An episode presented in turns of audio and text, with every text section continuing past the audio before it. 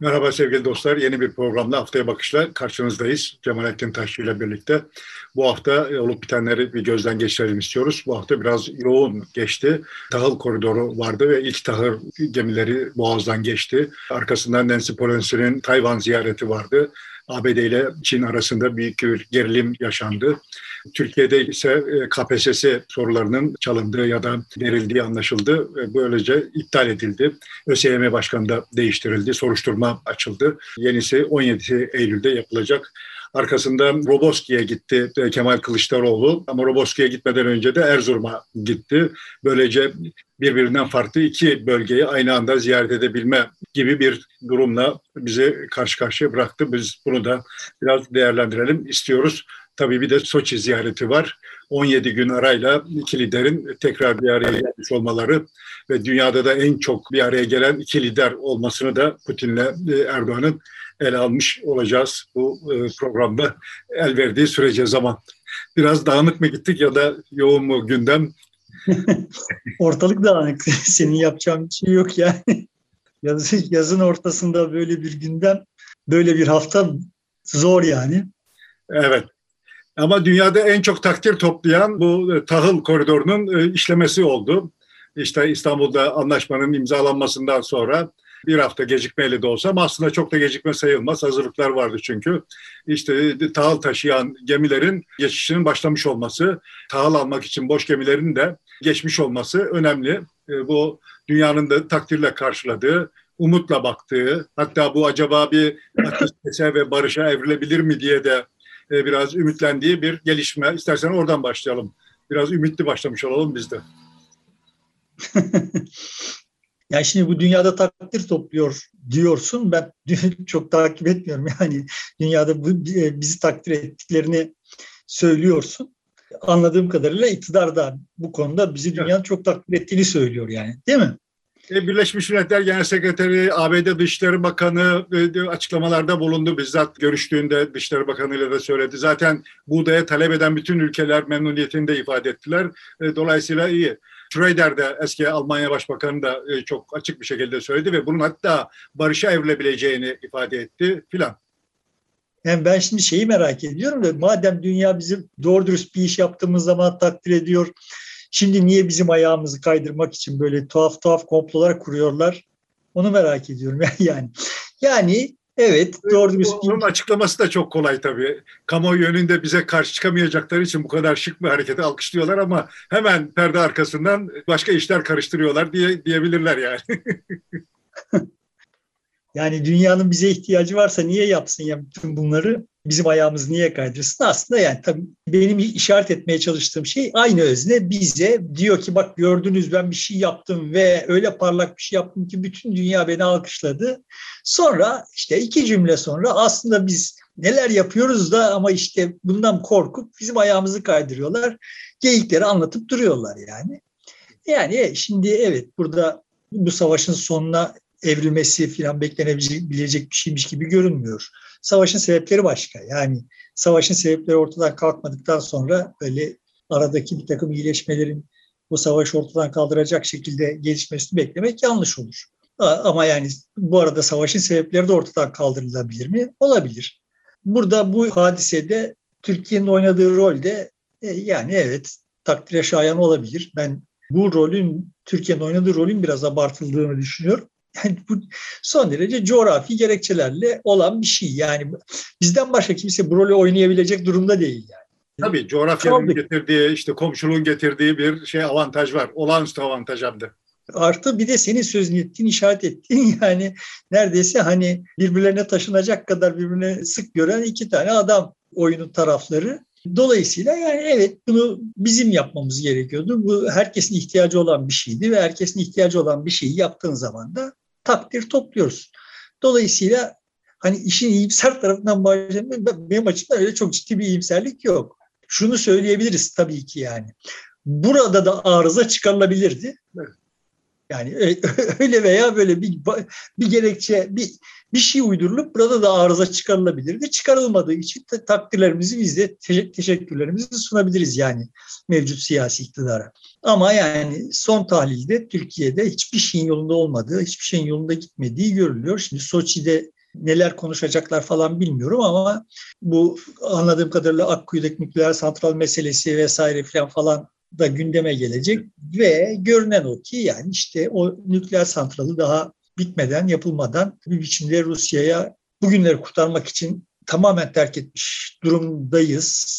Çünkü hani işte önceki gün Merkez Bankası'nın rezervlerinde çok arzi bir yükselme oldu. Merkez Bankası'nın rezervlerini işte herkesin dolarının üzerine çökerek bile koruyamıyor olan Nebati ve Kavcıoğlu şürekası Şimdi bize bak görüyorsunuz Merkez Bankası'nın rezervleri nasıl yükseliyor, yükselmeye başladı filan gibi geyikler anlatıyor. Peki nereden geldi para deyince söylememeyi de marifet biliyorlar. Anlaşılan o ki işte Rusya'dan bu kendi şirketi için, kendi şirketin işleri için gönderilmiş bir paradan söz ediyoruz. O gene ayrı e, doğrudan hazine bonosu 6.1 milyar dolarlık hazine bonosu aldığı şeklinde yabancı basında haber çıktı Rusya'nın Türkiye den. Ayrıca da kredi açıyor nükleer santral için.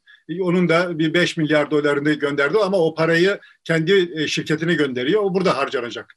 O 15 Şimdi, milyar dolara çıkacak o kredi e, açımızda. Şimdi Türkiye'nin sadece geçtiğimiz ayki dış ticaret açığının ulaştığı noktayı kapatmıyor. Yani bir aylık dış ticaret açığını kapatmıyor. Yani yüzde 40 ithalatın artmış durumda bir ayda neden bunlar böyle oluyor doğru düz analizini yapmadan ve durmadan düşman yaratarak yani işte düşman içimizdeydi sonra işte dış düşmanlardı sonra şimdi stokçular vesaireler oldu. Birileri döviz stokluyor, geyiği döndürdüler. Türkiye'nin içinde bir takım düşmanlar inşa etmeye çalışıyorlar. Yani Türkiye'nin Türkiye'de muhkim insanların yurt dışında 500 milyar doları olduğu gibi bir laf etti yani. Bunlar resmi, bunlar şimdi ben 80 senedir duyarım. İş Bankası'nın genel müdürünün ağzından bile duydum yani. Ama böyle resmi odaklardan bunları söyleyen adamları ilk defa şahit oluyoruz bu yaşımızda. Daha neler göreceğiz ahir ömrümüzde o da insanı korkutuyor yani. Hiçbir işi doğru düz yönetmedikleri görünüyor ve hasbel kader bir biçimde bir yerlerden 5 milyar dolar 10 milyar dolar bir para buldukları zaman da böyle sanki problemleri çözmüşler edasıyla çok akıllıca işler yapmışlar da yap, yapılması gerekeni yapmışlar da problemleri çözmüşler edasıyla utanmadan böyle konuşuyorlar ve peki nereden geldi para dediğinizde söylemiyorlar yani esrarengiz esrarengiz işler. Böyle yani buradan istersen şeye bağlayayım haftanın esas gündemine uzun bir yoldan bağlayayım. Ben 70'lerin ortasında System Science'la tanıştığım zaman yani sistemler bilimiyle tanıştığım zaman ah bu demiştim yani. Yani daha önce sibernetik hakkında az buçuk bir şeyler biliyordum. İşte 20'li yaşlarımdayım ve tamam yani benim kafamda bu dünyanın halleri hakkındaki soru işaretlerinin cevaplarını bulabileceğim kavram haritası burada demiş idim sistemler bilimiyle tanıştığımda. Hayatımın en yoğun okumasını da o dönemde gerçekleştirdim yani. Sonra sistemler bilimi elektroniklerin eline geçti. Kontrol sistemler halini aldı. E, kontrol sistemler haline düştü. Sonra işte ben dinamik sistemler, sonra e, doğrusu olmayan sistemler filan üzerinden hep ısrarla aha burada dünyayı anlamak için ihtiyaç duyduğum her şey var. Duygusunu korudum. Bu vesileyle şunu anladım. Yani biz çok lüzumsuz, çok behude şeyler konuşuyoruz. Esas olan sistemlerdir. Ve işi de sistemler yapar. Yani biz zannederiz ki orada işte falanca başbakan, burada filanca rektör, şurada filanca futbolcu iş yapıyor ama aslında işi yapıyor olan sistemlerdir yani. Dünyaya bakışımı da işte 20'li yaşlarımdan itibaren de bu anlamda pekiştirdim. Şimdi bunu, bu, bu kadar gevezeliği şundan yapıyorum. Birleşik Devletler'in işte bir başkanı var. Her şeye kadir değil mi? Yani şimdi böyle çok nasıl diyeyim cefalı bir süreçte yarışıyor ve seçiliyor. Önce kendi partisinin içine sonra seçmen karşısına, sıradan seçmen karşısına falan filan böyle hala vala ile seçiliyor. Böyle bir başkan var ve Birleşik Devletler'de dünyanın her tarafında herkese posta atıp duruyor olan bir şey ve böyle bir gücün başındaki adamdan söz ediyoruz. Şimdi bir de Birleşmiş Milletler'den işte böyle e, temsilciler meclisi diye bir meclis var. O meclisin başkanı diyor ki yani kendi kafasına göre ben diyor işte uzak doğu gezisi sırasında Tayvan'a gideceğim. Ya gitmesen iyi olur falan falan oluyor yani. Neden böyle oluyor? Çünkü absürt bir statüsü olan neresinden tutsan elinde kalacak bir statüsü olan bir tuhaf ada var yani e, elimizde. yani Çin midir? Çin'in bir parçası mıdır? Evet bütün dünya, Birleşik Devletler de dahil olmak üzere herkes kabul ediyor ki evet Çin'in bir parçasıdır. Ama Çin ordusu mesela oraya giriyor. Onların kendi ordusu var falan. İşte böyle modernist, pozitivist, böyle şıkır şıkır her şeyin hudutlarının, hatlarının belli olduğu bir dünya hayali kuranlar için kabus gibi bir şey yani. Yani Tayvan'ın mevcudiyetini anlamak için ne bileyim yani dış politika hakkında özel bir yüksek lisans yapıp tez yazmak gerekiyor yani. Yani nasıl oluyor da oluyor böyle statüde bir şey ve şimdi Birleşik Devletler bu konuda nasıl bir politika izliyor? Nixon ve Kissinger'dan beri kabaca şöyle bir politika izliyor. Yani Tayvan Çin'indir ama eğer Çin Tayvan'a girecek olursa hani biz müdahale edebiliriz yani. Tayvan ordusunu da durmadan silah e, besliyor. Evet. Silah satıyor yani.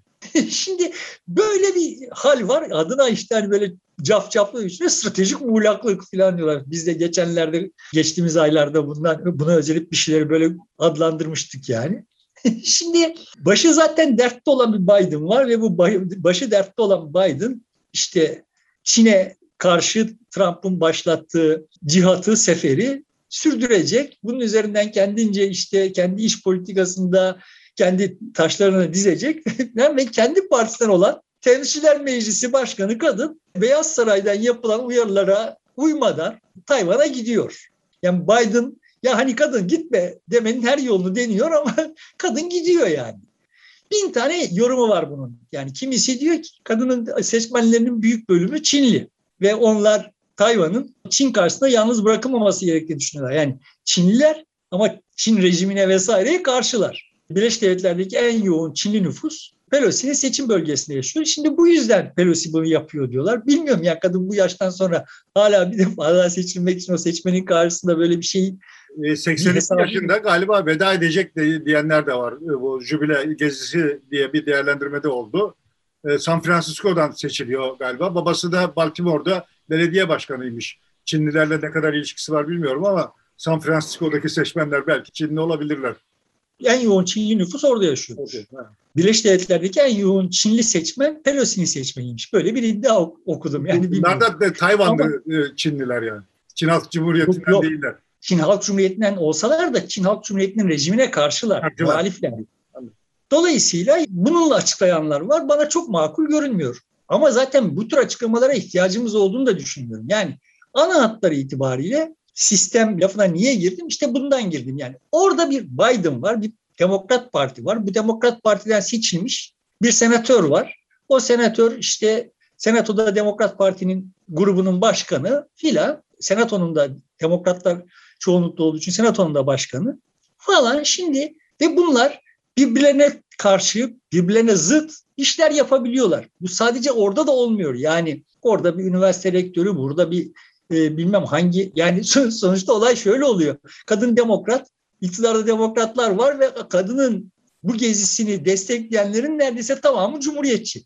Evet. Yani şimdi bunlar oluyor. Bunların olabiliyor olmasını sağlayan bir sistem var. Çünkü her bir birey kendisi bir birey yani. Yani bir takımın içinde erimiş, kimliksiz, kişiliksiz, omurgasız bir şey değil. Her birisinin kendi omurgası var. Her birisinin kendi hesapları var. Ve her birisi kendi hesaplarıyla belli bir şeyler yapıyorlar. Sistem doğru kurulmuş olduğu için o sistemden bir iş çıkıyor. Şimdi sen böyle bir şey olması gerektiğini burada anlattığın zaman oradan Devlet Bahçeli ve işte onun mahlukatı çıkıyor, kaos çıkar. Ve kaosun çıkmadığı Türkiye'yi görüyoruz işte.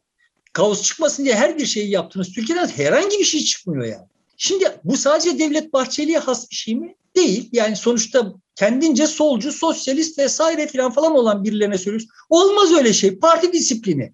Lan neyin parti disiplini? Yani bak işte görüyorsun çok disiplinsiz bir parti var ortada. Yani senin kafana göre son derece... Kardeşim bak işi yapan son tahlilde insandır. Sen insanı insanlıktan çıkarıp bir ordunun neferi haline getirdiğin zaman aha şimdi bu olur. Ondan sonra başlarsın sen kendin aptal olduğun bir kenara Herkes aptal yerine koyarak dış güçler de işte bizim kal şeyimizi kaldıramıyorlar, katlanamıyorlar da cartta curtta başlarsın yani. Ya sen işini doğru yapmadığın için çünkü Merkez Bankası Başkanı'nın kendi kafasına göre kendi bildiği doğruları yapacak adam olmadığı için, Maliye Bakanı'nın öyle bir adam olmadığı için, hiç kimsenin öyle olmadığı için her şeyi sarpa sarıyor. Her şey yani. Başka bir sebep aramaya gerek yok ki. Sonuçta sistemin yanlış. Sistem yanlış. Peki o zaman böyle şeyler konuştuğun zaman hemen dangadanak geliyor. Peki sen söyle sistem. Ya bak ben şu sistem doğru, bu sistem yanlış. Bu konularda karar vermek yetkisinde görmüyorum kendimi. Kardeşim senin paran Amerikan dolarının karşısında durmadan değer kaybediyorsa, değer kaybetmesin diye elindeki, elindeki bütün varlıkları satmak zorunda kalıyor ise demek ki Amerika'nın sistemi senin sisteminden daha iyiymiş. Ben vermiyorum kararı. Hangi sistemin iyi olduğuna dair kararı ben vermiyorum. Dünya veriyor, hayat veriyor yani. Şimdi hayatla irtibatı kesik, kafasında böyle afaki düzenler olan birileri öyle sistemler kurup ondan sonra işte bu tırnak içinde sistemli, sistemsizliği yargılıyorlar. Kendilerini tabiat yerine koyuyorlar. Kendilerini gerçeklik yerine, alem yerine koyuyorlar. Şimdi ya bak bu böyle olmaz. Aha orada sen çıkacaksın, kendi söyleyeceğini söyleyeceksin. Ben çıkacağım, kendi söyleyeceğimi söyleyeceğim. Ve yani işte bu buradan bir şey hasıl olacak, bir şey zuhur edecek dediğin zaman oradan kaos çıkar bir adam. Yani şimdi böyle kakafoni çıkar. Lan kakafoni makafoni şimdiki çıkan tek seslilikler neyimiz yolunda gidiyor yani.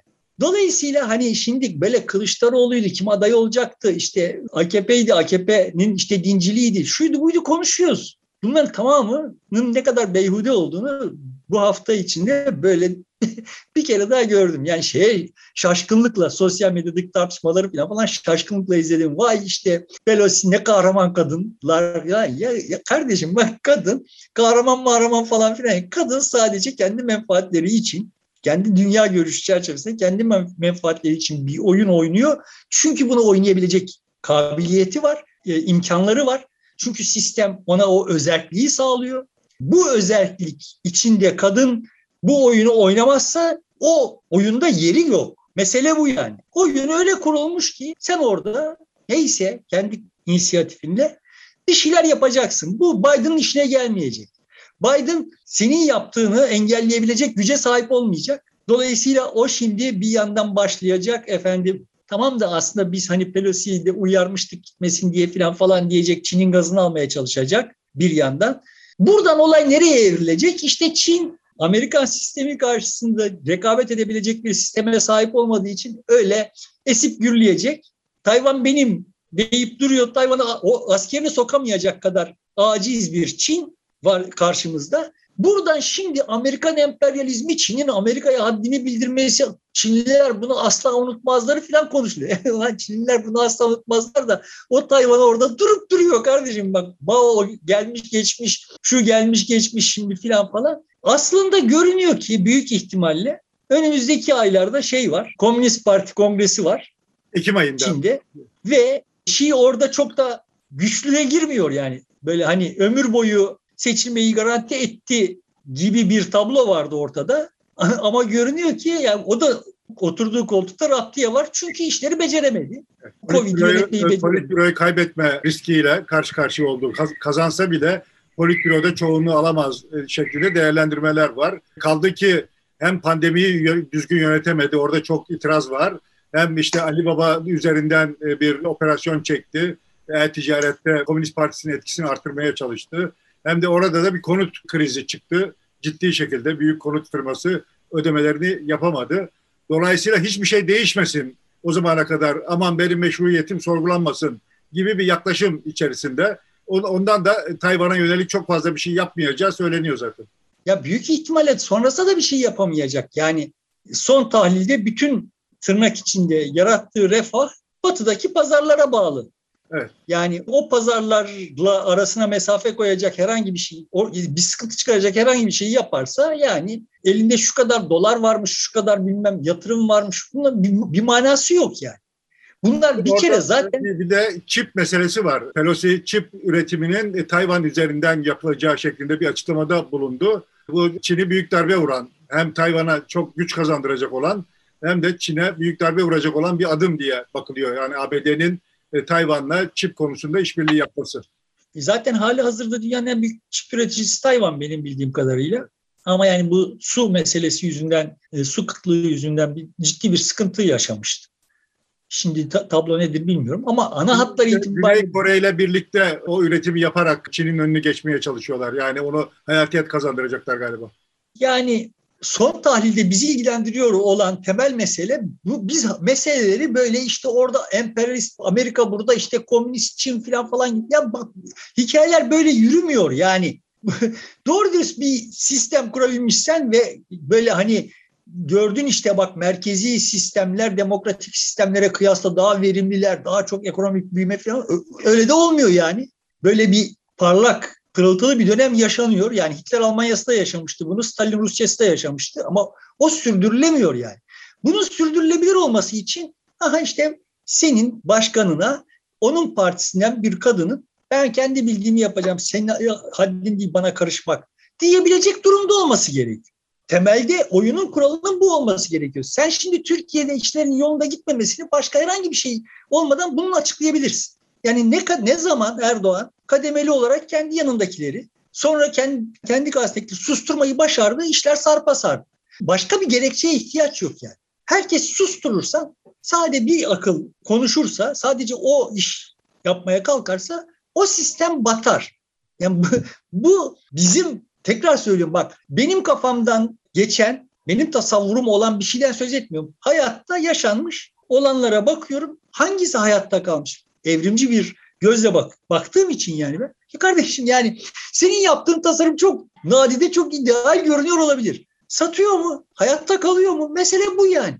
Şimdi tabii e, Amerika'da kongrenin atamalarda da söz hakkı var. Veto edebiliyor. Atadığı ismi büyükelçiler olsun ya da bakanlar olsun, sekreterler olsun ya da bütçe uygulamalarında mesela hayır diyor bu buraya bu bütçeyi harcayamazsın deyip veto koyabiliyor. Dolayısıyla e, paranın musluğu ve son söz parlamentoda gözüküyor Amerika'da. Bizde tam tersi. Güya bizde de e, meclis yapıyor gibi gözüküyor bütçeyi ama onun aslında fiiliyatta çok fazla bir anlamı yok. Ya sonuçta herkesin bir gücü var. Herkesin kendi gücünün kaynakları var, dayanakları var. Yani şimdi para gücü evet kongrede vesairede ama net toplamda da işte Beyaz Saray'ın kendisine has yani o kaynakları aldığı zaman onları kullanma yönünde kendi imkanları, kendi güçleri var. Herkesin bir gücü var yani. Ve bu herkesin gücü olduğu zaman evet ortaya böyle ya bir dakika bizim politikamız icabı şimdi Tayvan'a gidilmemesi gerekiyordu dediğin zaman birisi gidebiliyor. Ve buradan dünya yıkılmıyor. Birleşik Devletler yıkılmıyor. Bak buradan net toplamda Birleşik Devletler karlı çıkıyor, Çin ve biz zararlı çıkıyoruz yani. Şimdi tabii hemen şöyle değerlendirmeler var. Amerikan derin devleti zaten bu işlere idare ediyor, o yönetiyor. Danışıklı bir dövüş Biden'la Pelosi arasında gidip gitmeme meselesi. Amerika bu kararı zaten verdi e, ve oraya gönderdi şeklinde değerlendirme var. E, bu da soğuk savaşı başlatmak için atılmış bir adımdır falan diye deniyor. Çünkü dünyada herhangi bir şey bir merkezde kararlaştırmamış, kararlaştırılmışsa olmamıştır diye bakan bir sürü salak var ortada. Yani çünkü kendi hayatları öyle. Yani kendi ailelerinde sanki öyle mesele. Sanki kendi mahallelerinde öyle. Yani mahallede herkes her kafadan bir ses çıkıyor. Şimdi ona sorsan işte o komşular da kendi aralarında anlaşmışlar ona kumpas kurmuşlardır. Filan ya şimdi kafa böyle çalışıyor yani. Dünya öyle değil. Birleşik Devletler de öyle değil tabii ki e, muhtelif noktalarda ya bak kardeşim ama filan falan deyip araya giren birileri oluyordur. Filan ama, ama öyle her şeye kadir, her şeye karar veren bir özne yok yani. Ve birbirinden farklı menfaatleri, birbirine farklı istikametleri olan öznelerin birlikteliğinden pekala bir armoni çıkabilir. Çıkar. İnsanoğlu yani şimdi Pelosi de ya tamam ben kafaya koydum bu iş böyle olacak diye düşünüyor olabilir. Eğer o yaptığı hareketin yaratabileceği risk hem partisine hem Birleşik Devletlere edilemez bir zarar verecek durumda olsa yapmaz bunu. Çünkü hani kendi menfaati sebebiyle yapmaz. Yani bunun hesabını sorarlar bana. Yani şimdi buradan şimdi bir savaş çıksa hesabını Pelosi'ye sorarlar. Ya, ya da Pelosi'nin uçağını düşürmeye kalksın. Ya millet ciddi ciddi Pelosi'nin uçağını izledi. Yani ya hakikaten kafayı yedi ya millet. Yani Çin'in sahiden de Pelosi'nin uçağını düşürebileceğini falan falan.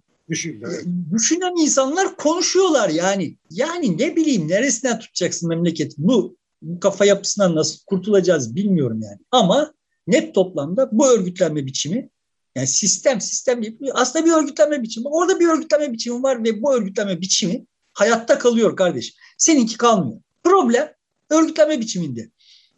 Burada Çin'e karşı ABD bu ziyaretle avantaj mı kazan elde etmiş oldu? Sence? Öyle gibi gözüküyor. yani net bir biçimde dünyanın patronu benim dedi. Sadece şey meselesi değil yani bu Çin'in kısması, silmesi meselesi bütün dünyaya demiş oldu ki ha bak Çin bile yani dünyanın en büyük ekonomisi olmaya aday olan ve işte ciddi bir silahlı gücü olan vesaire Çin bile bak kardeşim gıkını çıkaramadı. Haddinizi bilin demiş oldu bütün dünyaya yani. Yani ben evet burada abuk sabuk işler yapıyorum, sallanıp duruyorum. Yani zor durumdayım tamam ama yani aman bak kıpraşmayın. Bu halim bile yetiyor diyor yani. Yani yani hepinizden büyüğüm. Çok açık ara büyüğüm yani. En büyüğünüzden çok açık ara büyüğüm. Yani bak böyle meydan okurum ve hiçbir şey yapamaz. Demiş oldu. Bu hoş bir şey mi? Değil. Yani Amerika'nın böyle olması hoş bir şey mi? Değil. Ama ya bak buradan alınacak ders şu. Amerika nasıl oluyor da böyle oluyor kardeşim? Ha işte bak Biden'la Pelosi aynı partiye mensup oldukları halde 180 derece zıt iş yapabiliyorlar yani. Amerika Birleşik Devletleri Rusya'ya Ukrayna üzerinden çomak soktuğu zaman bu yanlıştır diyen insanlar var. Profesörler bir yerlerde politik bilimler konusunda ders veriyorlar Amerika Birleşik Devletleri'nde ve bu işleri sürdürebiliyorlar. Vay vatan haini, KHK falan filan deyip işten atılmıyorlar yani. Bunlar olabildiği için hayatta kalıyor o o düzen, o örgütlenme biçimi.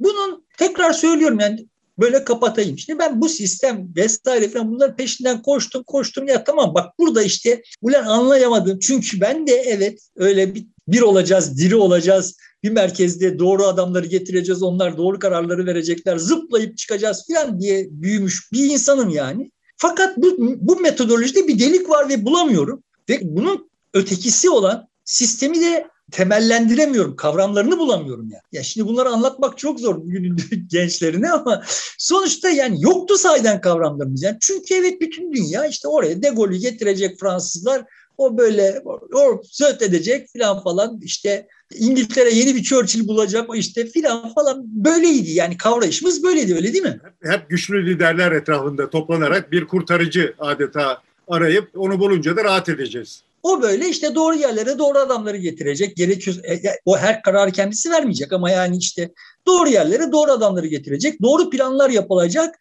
O planlar çerçevesinde bütün toplum filan böyle böyle bir dünyanın içinde büyüdük. Şimdi bunun çalışmayacak olduğunu, bunun yanlış bir şey olduğunu hissediyordum. Adını adına koyamıyorum. Deliğini bulamıyorum. Bunun ötekisinin ötekisi olan sistemin kavramlarını bulamıyorum filan. Şimdi sistem Science'da ulan burada bir şey var buradan bulacağım diye debelene debelene geldim ben. Sonra 90'larda buldum. Evet artık bunun teorisi de var yani. Şimdi o, o zamanlar bilmiyordum ama şimdi var. Kompleksite yani. Işte. Komplekslik kardeşim. Bu sistem kompleks bir sistem. Amerika Birleşik Devletleri'nin sistemi toplumun kompleksliği kadar kompleks bir siyasi sistem. Yani ne, nedir işte o komplekslik? Aha orada CIA var, o şuna karşı sorumlu işte ama şu kadar özelliği var. İşte başkan var, başkanın yardımcısı zaten var mı yok mu şimdi onu bilmiyor. O ne, o ne, tezgahlar çeviriyor onu bilmiyoruz ama işte başkanın bir partisi var. Partisinin bir kısmı başkanın arkasında bir kısmı karşısında. İşte o başkanın partisinden seçilmiş bir kadın var. Kendi inisiyatifi var. Bu sadece işin Washington tarafı. Bir de bunun eyaletler tarafı var. Yani sen orada işte bir Anayasa Mahkemesi'nden bir şey çıkarıyorsun. O eyalet şunu söylüyor, bu eyalet bunu söylüyor filan falan. Yani karmaşık, kompleks bir sistem. Bu sistem bütün arızalarına rağmen hayatta kalıyor. Çok arızalı bir sistem. Yani bu olabilir en iyi sistemdir filan falan manasında söylemiyorum. Son, son tahlilde görülüyor ki senin sisteminle kıyaslandığında yani sen daha kompleksini kursan muhtemelen adamların doları karşısında senin liranın değeri artacak. Ama sen şimdi senin toplumunun karmaşıklığını görmezden gelip bunu o aşırı basitleştiren sistemlerle hadım edip duruyorsun toplumu.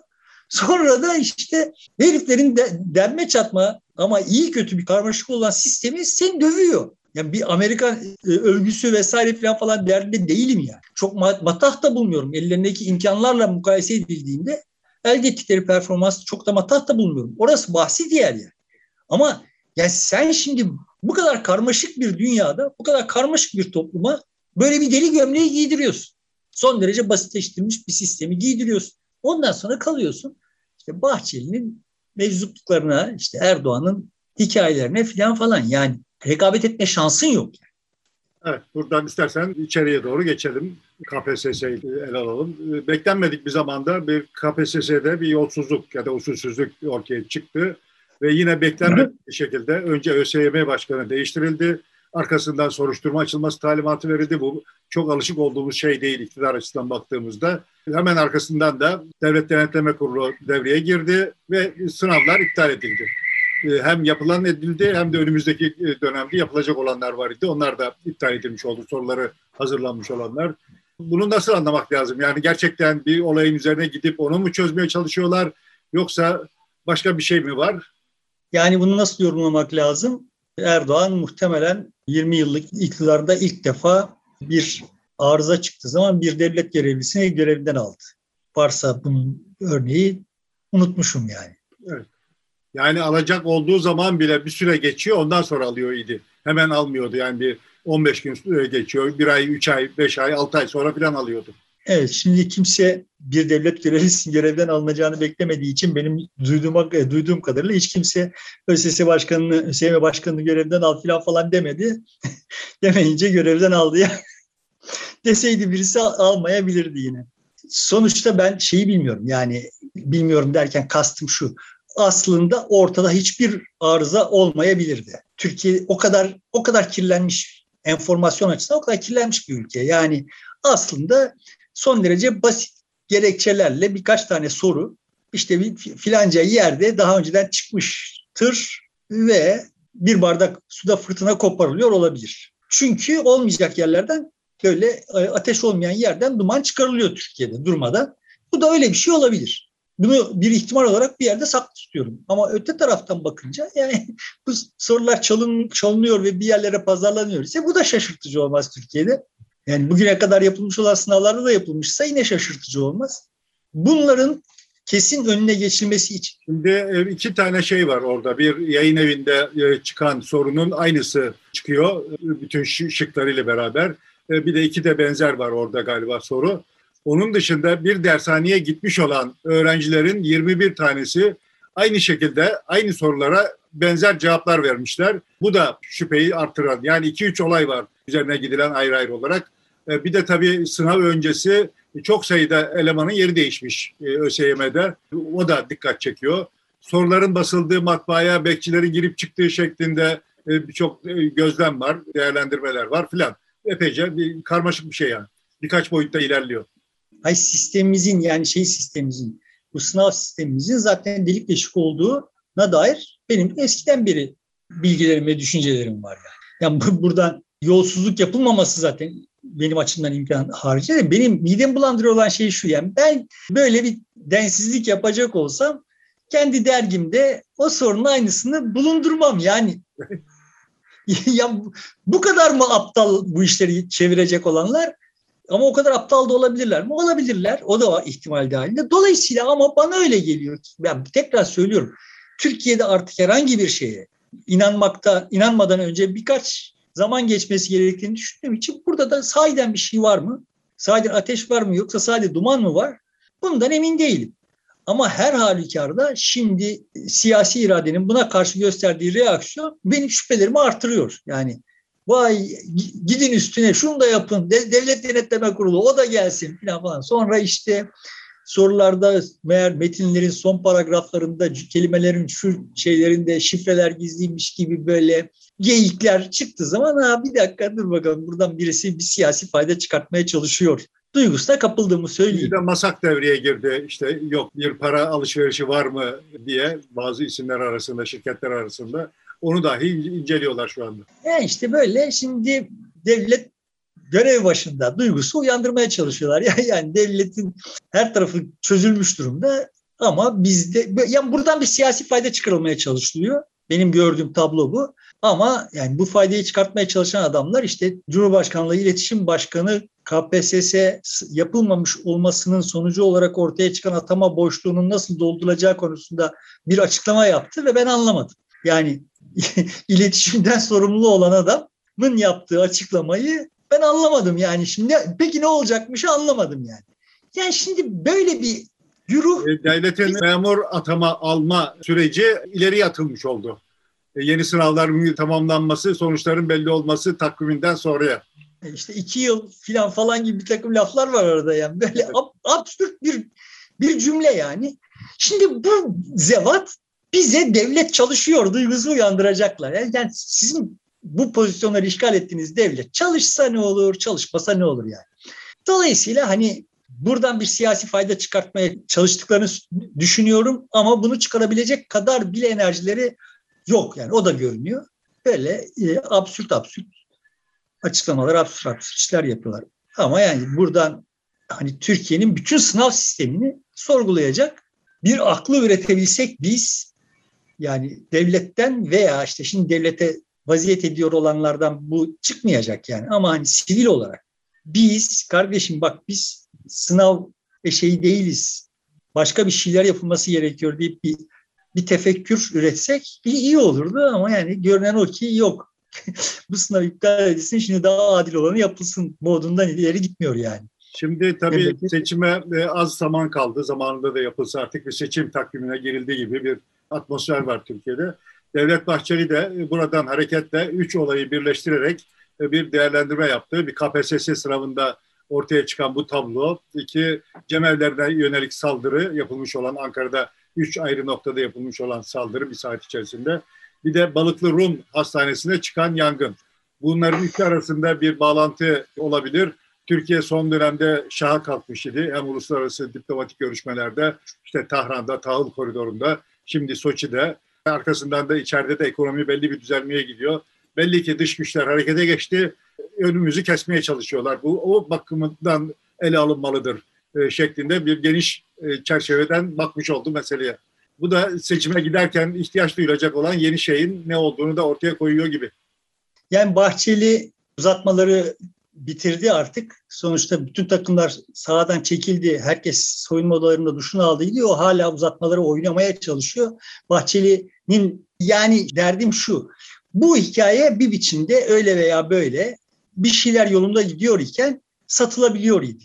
Şimdi bu satılamaz. Bunu en yani satılabilir bir şeyi satma kabiliyeti en düşük olan aktör oyuncu da Bahçeli artık. Ya zaten satılamaz bir malı bir de en bet sesli pazarcı satmaya çalışıyor gibi bir tablo var. Yani böyle Almanya bizi kıskanıyorlar falan filanların bu versiyonlarını bu topluma artık kimse satamaz. Yani bu toplum bunu buradan yine tırnak içinde Cumhur İttifakı'na bir iktidar sağlar mı? Sağlayabilir. O, o, o başka sebeplerle olur yani.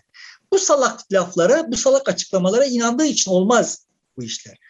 Kimsenin bizi kıskanmadığı zaten Türkiye'nin gençlerinin yığınlar halinde göçüyor olmasından belli yani. Ama işte sorsan Bahçeli kafasındaki zevzeklere onları da zaten teker teker CIA akıllarına giriyordur. ya böyle absürt absürt.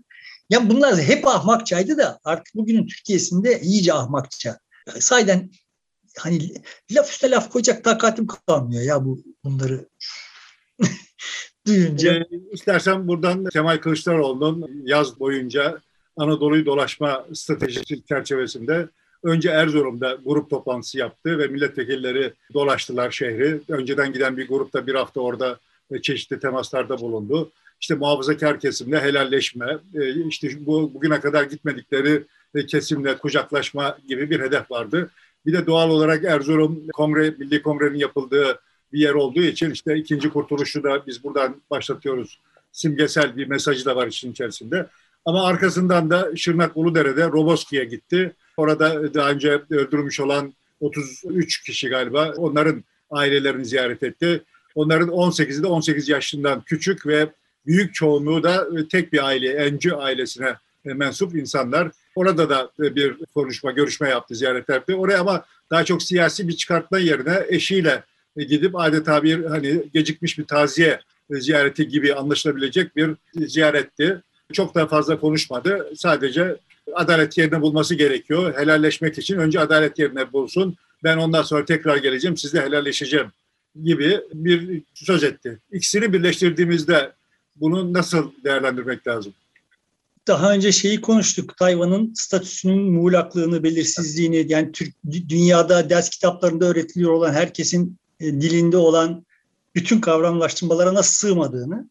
E işte öteki tarafta Kosova'da bir başka zırvalık yaşanıyor. Yani neredeyse tek başına bir, bir şehrin etrafında böyle siyasette kullanıldığı tabiriyle tabirinin tam hakkını verecek şekilde Balkanlar Balkanlaşıyorlar. Böyle her yer bir şehir devlet olarak kendisi bir özellik ilan etmeye çalışıyor. Sonra o şehir devletin neredeyse şehir devlet olan o devletin nüfusuna bakıyorsun. Yani Kosova'da neden oluyor bu diye bakıyorsun. Çünkü Kosova'nın kuzeyinde Sırplar var yani.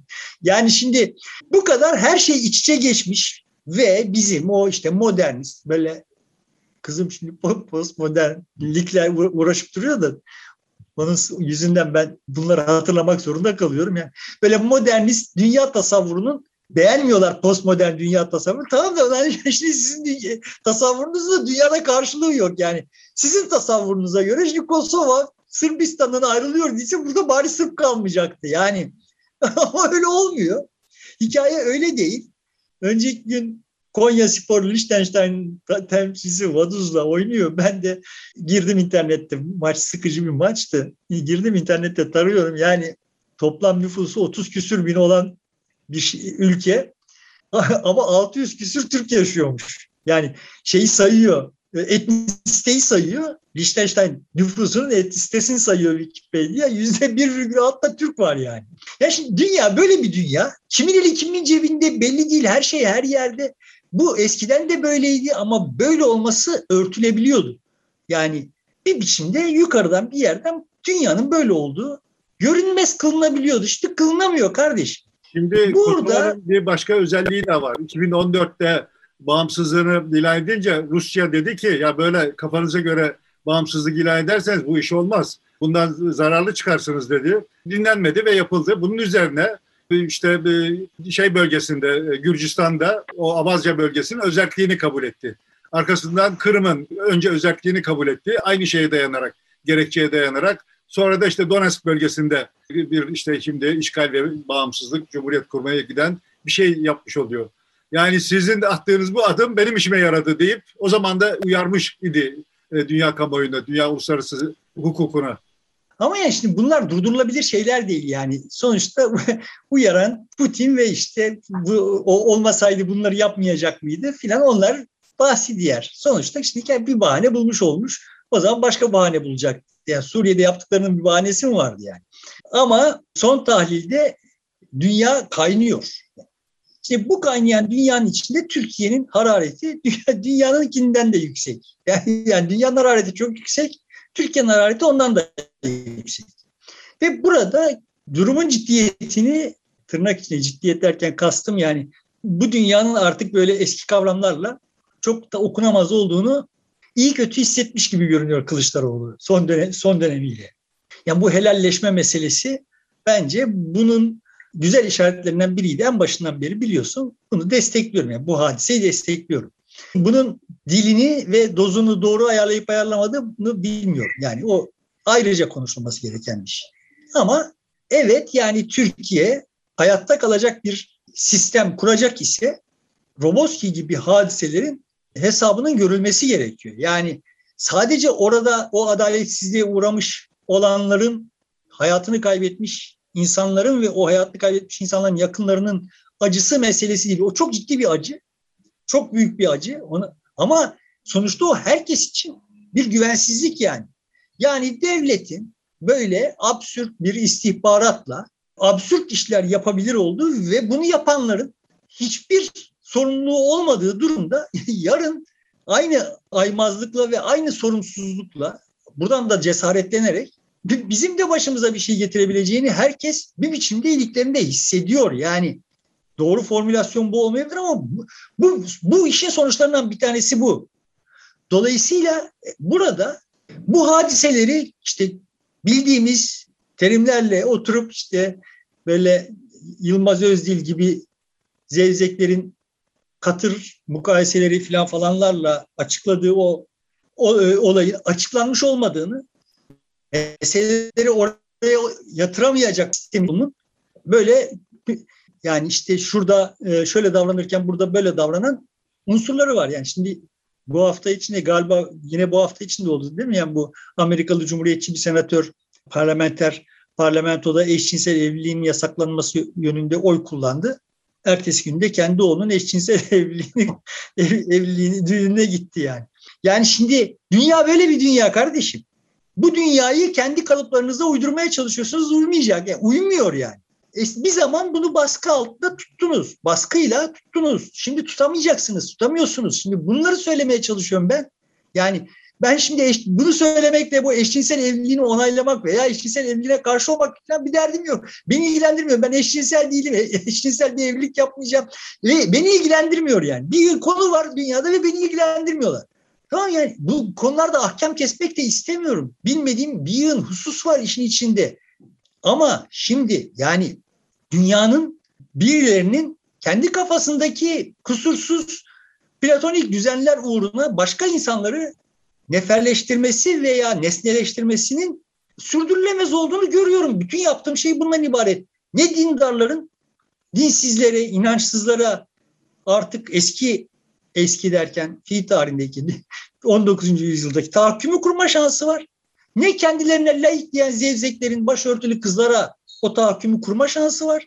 Ve yani bak bunun böyle olduğunu idrak etmezsek ha ben eski düzeni ihya edebilirim hayali hala birilerinin kafasında sürerse bu kanlı bir zaman zaman kaybından başka hiçbir şey yol açmayacak. Yani bütün derdim bundan ibaret. Bu tarafta veya bu tarafta değilim yani. Kimseye de bir düzen vesaire falan falan da telkin ediyor da değilim. Bak dünyanın hali bu kardeşim. İçinde yaşadığımız dünya aha burada eşcinsel evlilik aleyhinde oy kullanıp yarın kendi oğlunun eşcinsel evliliğine davetli olarak gitmek zorunda kalabilirsin. Dünya böyle bir dünya. Ya bir aya, dilinizi ısırın, ayağınızı denk atın. Kimseyi bilmem şu sebeple, bu sebeple falan böyle vatan haini, cart curt falan diye etiketlemeyin ve kendiniz Devlet Bahçeli zannedip bizi aptal yerine koymayın. Yani bizim hepimiz Devlet Bahçeli'den daha akıllıyız. En aptalımız bile ondan daha akıllıyız ya. Şimdi bu, Bize gelecek... bu ziyarette dikkatimi çeken bir şey oldu. Hem Erzurum ziyareti hem de Roboski'de. Ne iktidar ne de başka çevrelerden Kılıçdaroğlu'na ya da CHP'ye bir eleştiri gelmedi. E, İçişleri Bakanı'ndan. Oysa daha önceki durumlarda eleştiri gelirdi. Özellikle Roboski'ye gitmesinden dolayı neredeyse bölücü olmakla ve işte e, kriminal bir örgütle yan yana gelmekle falan suçlanırdı. Böyle bir şey olmadı. Tam tersi Mithat Sancar, HDP eş genel başkanı bu güzel, iyi bir adım ama yetmez ama evet mantığıyla hareket ederek daha fazlasını talep etti Kılıçdaroğlu'ndan. Evet yani bak bu hoş bir tespit yani yani bunu muhtelif şekillerde yorumlayabiliriz. Yani bir kere benim hani o, o kadar uzun cümleyle söylemeye çalıştığım şey şu yani ben Kılıçdaroğlu'nun bu tavırlarında olmazsa olmaz olan bir te- tevazuyu, alçak gönüllülüğü görüyorum. Yani ben sizin problemlerinizi çözeceğim, siz bana destek falan değil. Yani bak kardeşim göz hizasındayız.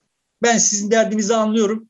Siz de benim derdimi anlasanız iyi olur ama ben bunu söylememiş olayım. Hani siz bunu kendi kendinize idrak edin edası hissediyorum.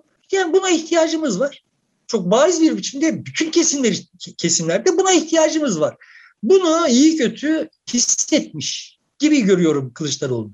Hiçbir şekilde böyle formüle ettiğini düşünmüyorum.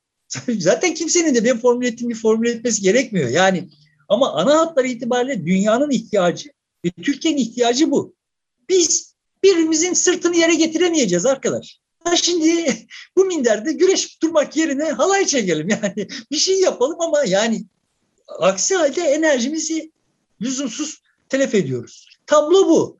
Bunun kamuoyunda bir karşılığı olduğunu muhtemelen Kılıçdaroğlu da ölçtürüyordur. Karşılığı neden oluyordur ve kamuoyu bunu nasıl okuyordur? Ya bunları da bilmiyoruz. Ya, yani şimdi doğru dürüst şeyimiz olsa, entelijansiyamız olsa bu konuda 40 tane araştırma yapılmış olurdu. O araştırmalarda şu sorular şöyle sorulmuş olurdu. Medyamız onu böyle anlatırdı filan falan bunları biliyor olurduk. Ama ne öyle entelijansiyamız var ne öyle medyamız var bilmiyoruz yani. yani normal şartlarda en az üç tane siyaset bilimi kürsüsü diyelim bölümü bu hadisenin peşinden bir yıl çalışma yapıyor olurdu.